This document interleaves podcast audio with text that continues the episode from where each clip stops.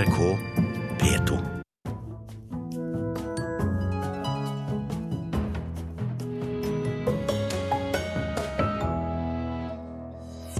Og vi skal høre at scenesatsingen i Kulturløftet har vært feilslått, mener Høyre. Ferske tall viser at publikum svikter teatrene. I Bergen satser man likevel på, fem timer, på at et fem timer langt teaterepos skal bli årets snakkis på Festspillene. Nazistenes begeistring for Richard Wagner kaster fortsatt skygger over det musikalske geniet som har 200-årsjubileum i dag. Og apropos, hva ville skje i et Tyskland der Hitler vender tilbake? I en ny bok blir han talkshow-stjerne. Vi anmelder den litt senere i Kulturnytt, som i dag er ved Thomas Alvarstein Ove. Det rød-grønne kulturløftet har vært preget av for mye penger og for lite politikk. Det mener Høyres kulturpolitiske talsmann Olemic Thommessen. I går kom Statistisk sentralbyrås kulturbarometer, som viser en dalende interesse for teater, musikaler og revy. Det er tankevekkende, mener Thommessen. Det har nok vært litt mer penger enn politikk i Kulturløftet. Kulturpolitisk talsmann for Høyre, Olemic Thommessen, let seg ikke imponere over scenesatsinga i Kulturløftet. Det er jo til ettertanke at um, et felt som da har fått såpass mye mer penger, um, kommuniserer med færre publikummere. Publikum svikter teater, musikaler og revy. Det viser tall fra Statistisk sentralbyrå sitt kulturbarometer. 45% sier at de har vært på teater de siste tolv månedene. Vi må tilbake til slutten av 90-tallet for å finne lignende tall. Thommessen mener dette viser at de rød-grønne har brukt kulturkronene feil. Høyre har jo ønsket en satsing som først og fremst skulle rette seg mot de frie gruppene. Eh, også det å gi frie gruppene en, si, en litt bredere plattform. Eh, typen eh, altså lokale entreprenører som Grenland Friteater, Stella Polaris, Cirkateater, andre grupper utover landet som har gjort seg gjeldende. Vi tror at de kommuniserer godt med publikummet sitt og er lokale kulturentreprenører det går an å bygge videre på. Kulturminister Hadia Tajik vedgår at de ikke er i mål, men sier det har vært viktig å satse bredt i Kulturløftet. Vi har satsa eh, på kunst og kultur over hele landet. Eh, vi har satsa på institusjonene, men vi har òg satsa på det frie feltet. Det handler om at for å kunne ha et levende kulturliv, så må man tørre å satse på alle deler av kulturlivet. Det har vært vår ambisjon. Men det er klart at vi er ikke i mål, og det viser jo òg disse tallene. Og Derfor er det nødvendig at vi utarbeider òg et eh, nytt, stort kulturløft, som tar utgangspunkt i at enda flere skal kunne delta i kulturlivet. Nedgangen i teaterbesøket kan også skyldes feil fordeling av kulturkronene, mener Ib Thomsen fra Framstegspartiet. Han mener for mye av potten har gått til hovedstaden. Nei, det jeg tror, og det Fremskrittspartiet har tatt til orde for, det er at vi må få kulturkronene ut av Oslo. Vi ser jo mye styres fra Kulturdepartementet, mye styres fra Kulturrådet. Og de har jo ikke kunnskap om hva som skjer rundt omkring i hele landet. Så dette er veldig Oslo-tall, tror jeg. Så det er beklagelig. Det blir blankt avvist av Tajik. Økningen i kulturmidler eh, er stort sett større i alle andre deler av landet enn det er i Oslo, så her eh, har Ib Thomsen ikke gjort leksene sine. Sa kulturminister Hadia Tajik til reporter Espen Alnes. Regjeringens forslag til ny medieeierskapslov er i strid med Grunnloven, mener Norges fremste eksperter på ytringsfrihet. Den nye loven gir Medietilsynet mer makt og innflytelse, og skal passe på at store mediekonsern holder seg innenfor lovens grenser, skriver Dagens Næringsliv. Jusprofessor Eivind Smith og advokat Kyrre Eggen har på oppdrag fra Norges største medieselskap Skipsted vurdert den nye loven. Skipsted krever en ny lov som ikke flytter makt fra de folkevalgte på Stortinget til Medietilsynet. I dag åpner Festspillene i Bergen. Arrangørene håper årets snakkis skal bli at en av byens egne sønner vender hjem. I morgen har teaterregissør Allan Lucien Øyen urpremiere i hjembyen med en fem timer lang forestilling, med navn etter en forhistorisk fisk. Silokant silukant. Og det har vi, vi har lagt en lydskrift i tittelen fordi at vi skjønte at det er vanskelig. Men uh, man skal ikke være redd. Vi gikk uh, og uttalte den uh, tittelen feil i flere måneder sjøl, før vi fant ut hvordan det egentlig skulle sies. Silukant. Kanskje er det bare å lære seg navnet først som sist. For Allan Lucien Øyens teaterframsyning er det Festspillene i Bergen med brask og bram lanserer som årets teaterhending. Men hva er det for noe? Det er navnet på en forhistorisk fisk. Det har jo en lang, komplisert forklaring for oss, da, men det viktigste som vi sitter igjen med, er at det er, det er den ultimate historien. Da. The big fish, ikke sant. Som er kanskje litt større enn virkeligheten. Eh, litt ekte og litt diktet. Og det er også det forestillingen er. Det er vår mastodontforestilling. Mastodonten til Allan Øyen er fem timer lang og strekker seg over tre akter, flere tidsperioder og kontinent, og handler om menneskets grunnleggende behov for å fortelle historier. Det begynner med to manusforfattere som har fått et oppdrag, men strever med å finne ut hva de skal skrive.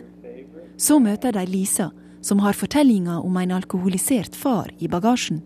Akkurat den historia er sann. Det eneste hun har igjen av faren sin, er kassettopptak fra han var liten, hvor de satt og sang sammen. Og Det bruker vi òg i forestillingen.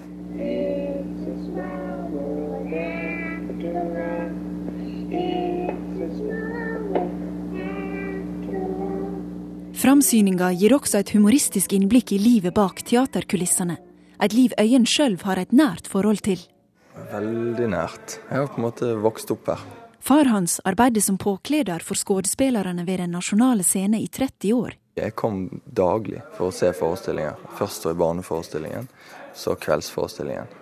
Jeg tror rekorden var 60 forestillinger på rad som jeg så sammen. Og da blir man jo ganske kondisjonert. Så jeg pleier å si at hele måte, utdannelsen min ligger, eh, ligger, i dette huset her. Hvordan er det å være tilbake med sin egen framsyning? Det er jo eh, veldig spesielt og veldig emosjonelt. Ja. Festspilldirektør Anders Beyer håper at framsyninga blir årets snakkis. Enten var du her, eller også var du her ikke. Det, er jo, det er jo det man kom til å oppleve med denne forestillingen. Dem der var der, de har noe helt spesielt sammen. Festspillprogrammet er delt i tre kategorier av opplevelser. Fornøyelser, forbindelser og forstyrrelser, der Silu Kant tilhører sistnevnte. Anders Beyer håper stykket skal få det til å skake blant de sju fjell i Bergen. Jamen det her det er et kjempeeksperimentarium for lek og for forståelse av hva fanden er det vi går rundt og laver med hverandre. Derfor er det viktig å lage det her teaterstykket. Sjøl var Allan Øyen mer usikker på det med forstyrring. Ja, vi så det, at vi hadde blitt plassert som en forstyrrelse. Litt sånn fornærmet, nei da. Vi, eh, jeg skjønner det. Men eh, det er veldig på publikums premisser. Eh, vi er opptatt av at de skal være med og være underholdt og være rørt. Det er det jeg ønsker sjøl når jeg går og setter meg i teatret. Så, men litt forstyrrende blir det sikkert. Det, jo, det er jo helt nytt. Og Silukant har uh, urpremiere på Festspillene på torsdag. Reporter var Turi Rogne. Og i eh, ettermiddag sender eh, Kulturnytt fra Bergen og åpningen av årets festspill. Og eh, kollega Birger Kolsrud Jåsund, du skal lose oss gjennom ettermiddagen. Hva får vi høre? Ja, Vi får selvfølgelig et nytt uh, gjenhør med Anders Beyer, da, som du hørte her nettopp. Han kommer for å fortelle litt om hvordan det første året som Festspillsjef har vært. Han tok jo over etter Per Boje Hansen. og sa jo i fjor til oss at han ønsket uh, noe overraskende program, en slags pendelbevegelse mellom det folkelige og det kunstneriske. Og så gjenstår det å se da, om han har klart å få til det der. Så er det jo um, en åpningsforestilling her borte i Bergen, og det er Marco Polo i, i Grieghallen. Det er en um, ung trebarnsmor fra England som har regien på det, og hun er litt spennende, for hun har et slags eh, videoinstallasjonsmikseprosjekt-regigrep. Eh, og dette skal vi lære mer om i sendingen, selvsagt. Vi får eh, besøk av Gardar Eide Einarsson, kunstneren som vi også skal hvis, an, hvis utstilling vi også skal anmelde, og da skal vi gjøre det, tenkte vi, live. Og Det er jo første gang vi har gjort i Kulturnytt, en live kunstanmeldelse. Hvor, hvor sender dere fra i ettermiddag? Vi sender fra eh, foran uh, Grieghallen, så vi er midt i eh, pølsefabrikken, så å si. Og vi får gjester inn fra høyre og venstre. Og så skal vi selvfølgelig være på åpningsseremonien, så, de som hører på Kulturnytt i ettermiddag, de får med seg selvfølgelig den også. Vi får satse på godt vær i Bergen i ettermiddag. Kulturnytt starter altså 16.30. Takk skal du ha, Birger Kolsrud Jåsund. Du hører altså Kulturnytt i Nyhetsmorgen på NRK P2 og Alltid nyheter. Klokken den blir kvart over åtte nå, og dette er overskriftene i nyhetsbildet. Ungdomsopptøyene i Stockholm spredte seg til nye områder i natt. Brennende biler og steinkasting for tredje natt på rad. I Oklahoma i USA svinner håpet om å finne flere overlevende etter den voldsomme tornadoen. 24 mennesker er bekreftet omkommet. Fotografer og annet teknisk personell på TV-serien Hotell Cæsar er tatt ut i streik. Norsk Filmforbund og Metronom Spartakus brøt forhandlingene i natt. Ifølge Sverre Pedersen, Filmforbundets leder, står partene langt fra hverandre. Lønnsnivået i Cæsar er så lavt at det å få på plass et ansiennitetssystem har de tillitsvalgte og hele staben på Cæsar nå sett på som en forutsetning for å skape et grunnlag for å få en lønnsutvikling som kan løfte de fra det ekstremt lave nivået. Altså De som har eh, lavest eh, lønn, de tjener ca. 280 000 inklusiv feriepenger. Og de som har høyest lønn, tjener vel 400 000 inklusiv feriepenger. Så eh, man er nødt til å gjøre noe med lønnsnivået for å skape optimisme og kontinuitet. Og Anne Kolbjørnsen, ansvarlig produsent for Hotell Cæsar i Metronom Spartakus, sier de trenger tid til å utvikle et ansiennitetssystem. Vi jobbet og forhandlet i går i over 14 timer. Metronom Metronome Spartakus eh, tilbød da en lønnsøkning på 3,5, som er litt over gjennomsnittet av det som har ellers vært ute i samfunnet. Eh, det ble avvist av Norsk Filmforbund. De ba om et ansiennitetssystem skulle bli innført. Det klarer vi selvsagt ikke i løpet av et døgn å utrede konsekvensene av. Vi ba om å få nedsatt en sammensatt gruppe fra oss og fra, det, fra dem. Bruke noe god tid for å vurdere de økonomiske og andre konsekvenser for vår organisasjon og vår bedrift og for medarbeiderne. Og Ifølge begge partene vil ikke seerne merke streiken foreløpig. I dag er det 200 år siden den tyske komponisten Richard Wagner ble født. Wagner regnes som en av de største operaskapere gjennom tidene, men han er fortsatt omstridt pga. sine jødefiendtlige holdninger, og fordi han var Hitlers og nazistenes favorittkomponist. Og en av årets oppsetninger har vakt sterke reaksjoner. Hold opp! Hold opp, roper publikum rasende under oppføringen av Richard Wagners opera 'Tannhäuser' i Düsseldorf tidligere denne måneden. Den glade trubadur Tannhäuser er blitt naziforbryter. Det står et gasskammer på scenen, og teaterblodet flyter. Og publikum er rasende. Forestillingen avbrytes, og skandalen er et faktum. 200 år etter sin fødsel skaper operageniet Richard Wagner fortsatt heftig strid her i Tyskland. Men var han egentlig en antisemitt, spør jeg Wagner-eksperten Sven Oliver Müller. Ja, er antisemitt wenn es nützlich ist. Und wenn es nicht nützlich Ja, han var antisemitt når det passet ham, men han hadde også jødiske venner. Vi skal huske at på Richard Wagners tid, på 1800-tallet, var antisemittismen svært utbredt. Og problemet er ikke at Wagner var så jødefiendtlig, men at så mange tyskere beundret ham, og derfor brukte hans uttalelser om jødene som en bekreftelse på at antisemittisme var noe positivt. Og som vi vet, dette hadde fatale følger, sier eksperten.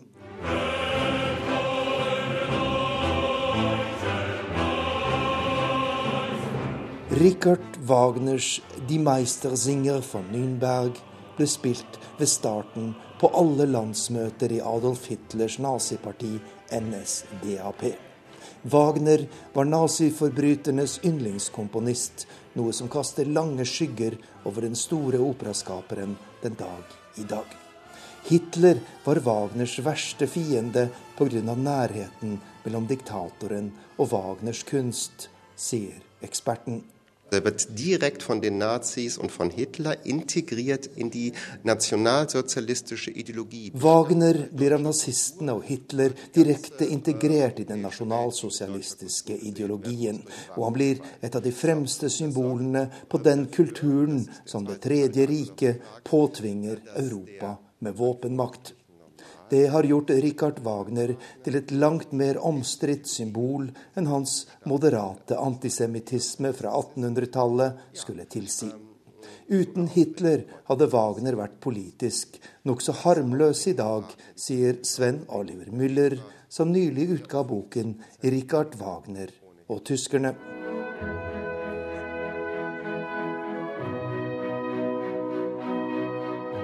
Han har skrevet noen av de skjønneste verk i operaens historie, og 200-årsdagen for hans fødsel markeres stort her i hans fødeland, Tyskland. Men mange ser fortsatt på geniet Richard Wagner med sterkt blandede følelser. Og knapt noen har uttrykt dette bedre enn den berømte jødiske komponisten Leonard Bernstein. Jeg hater ham på mine knær.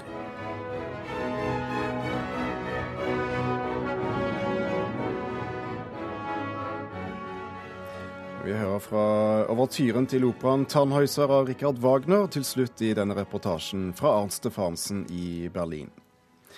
Håkon Hegstad, musikkjournalist her i eh, P2 og ja, skal vi si Wagner-ekspert. Hvorfor er det viktig å markere 200-årsdagen fra Wagner? Altså, Som det ble sagt her, han er jo en av de største operakomponister noensinne. Men det er vel like mye at han eh, er nettopp såpass omdiskutert som vi hørte her. I tillegg til at han rett og slett er en komponist som man ikke kommer utenom. Altså Det han gjorde, revolusjonerte musikkhistorien, operahistorien og veldig mye. Han skapte store bølger, ikke bare med sine holdninger, men også med, med sin musikk, rett og slett. Hvor stor er han i dag? Eh, like stor som, som, den gangen. Kanskje større. Det er jo altså det som har vokst på de liksom 150-140 årene etter at han døde, er jo nettopp eh, legenden, mytene og det, det litt sånn sakrale ved å dyrke Wagner.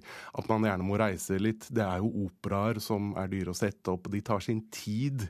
Og han fikk jo skapt eh, et valfartssted selv for sin egen kunst, nemlig i, i Bayreuth i Tyskland, hvor han fikk sponset av kong Ludvig 2. et operahus hvor man bare setter opp hans operaer, og der er det vel fortsatt 13 eh, års ventetid eller noe sånt for å få billetter. Så det er litt eksklusivitet ved det også, men eh, han er fortsatt stor og populær når nye hjerter og Du nevnte at han var uh, musikalsk revolusjonerende, men, men utfordrende musikk å, å, synge. Vi skal høre et lite utdrag fra Tristan nå i Hva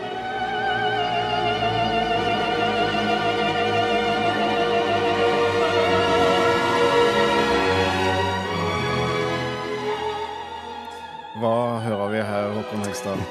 Det er eh, Margaret Price i en av de virkelig store rollene til eh, Richard Wagner som Isolde. Og mm, eh, altså, Det musikalske ved dette er jo noe av det nyvinnende, spesielt denne operaen. At det er en lengsel de to får hverandre aldri. Tristan er jo nettopp dødd, eh, og Isolde dør snart av kjærlighet til sin. Og Det samme ligger i musikken, og den varer i fire timer. Eh, så, så dette var noe, denne spenningen, denne uforløstheten i musikken, var noe som var helt nytt, og på sin, på sin side utløste modernismen. Men så hører du jo også noe av det som også var nyskapende. Eh, han eh, stiller veldig store krav. Du skal ha en svær stemme for å trenge igjennom. Han utviklet orkesterapparatet veldig. Det er store krefter i sving. Og du skal ha en svær stemme, en utholdenhet. Eh, å stå i ja, Operaen varer jo fire og en halv time med musikken bare. Hun står vel på scenen i to timer eller noe sånt og hyler av full hals før hun dør. Hvordan markeres jubileet? Eh, det markeres kanskje med litt flere Wagner-oppsetninger enn en normalt, men han spilles jo stadig, så det er litt mer enn ellers som skjer. Eh, ja, Tyskland har mange store satsinger hvor man f.eks. markerer eh, med konserter og oppsetninger i de stedene han bodde og virket. Ellers Ja, det er bare å ta en kikk på nettet, så finner du nok en Wagner-oppsetning nær deg. Men det er mulig man må fly lite grann. Ut av Norge, kanskje? ja, dessverre må man vel det. Det er kanskje noe av det triste her. Men det har kanskje en sammenheng mellom det hvor, hvor krevende det er å sette opp eh, Wagner. Altså det er, det er, dyrt, eh, du skal ha en god produksjon, og så er det det å få tak i disse sangerne. Altså en god Isolde f.eks. Du kan telle de beste sånn på én hånd, og de må bookes mange år i forveien. Håkon Hegstad, tusen takk for at du kom til Kulturnytt.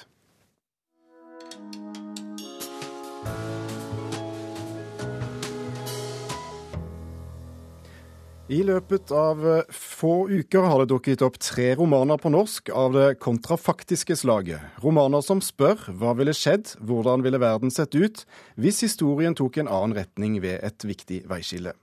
C.J. Sandsoms eh, 'Skygge over London' tar utgangspunkt i et England som ga etter for Hitler i 1939, mens eh, Simon Urbans 'Plan D' forutsetter at muren ikke falt i 1989.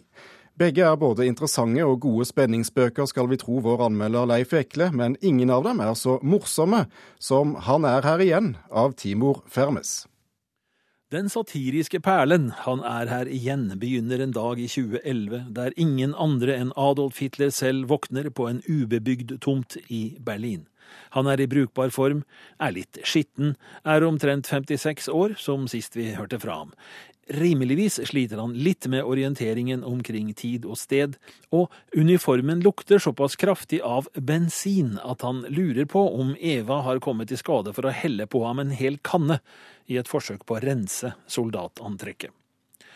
Spørsmålet romanen stiller er altså hva som ville skje i, og med, et Tyskland der Hitler vender tilbake. Timor Fermes svar er det klart mest lesverdige og underholdende jeg har lest til nå. En grunn til det er at Hitler og hans tankesett, hans verdensanskuelse om du vil, ikke har forandret seg. Hans premisser er de samme.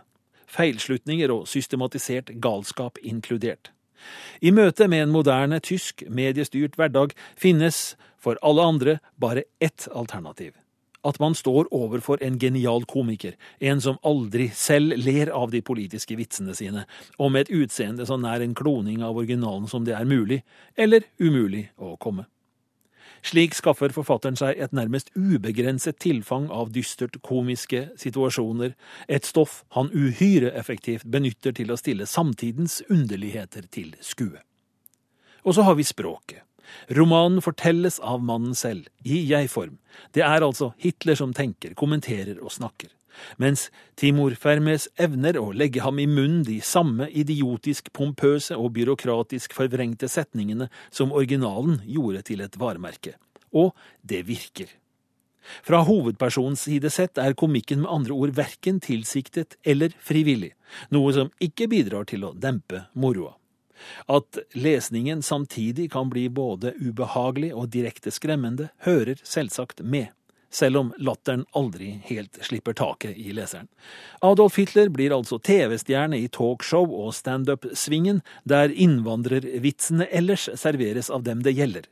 Resultatet er en ironisk Hitler-bølge som feier over landet og over YouTube. Mens noen få tar ham helt alvorlig. Da jeg hadde lest en drøy tredel av boken, sa jeg begeistret at Fermes, og dermed bokens Hitler, ikke engang faller ut av rollen og stilen. Akkurat det holdt ikke helt ut. I omgangen med avisen Bilt glipper det et par ganger, og forfatterens eget syn skinner nokså klart igjennom. Forståelig nok, kanskje. Det er uansett intet stort problem.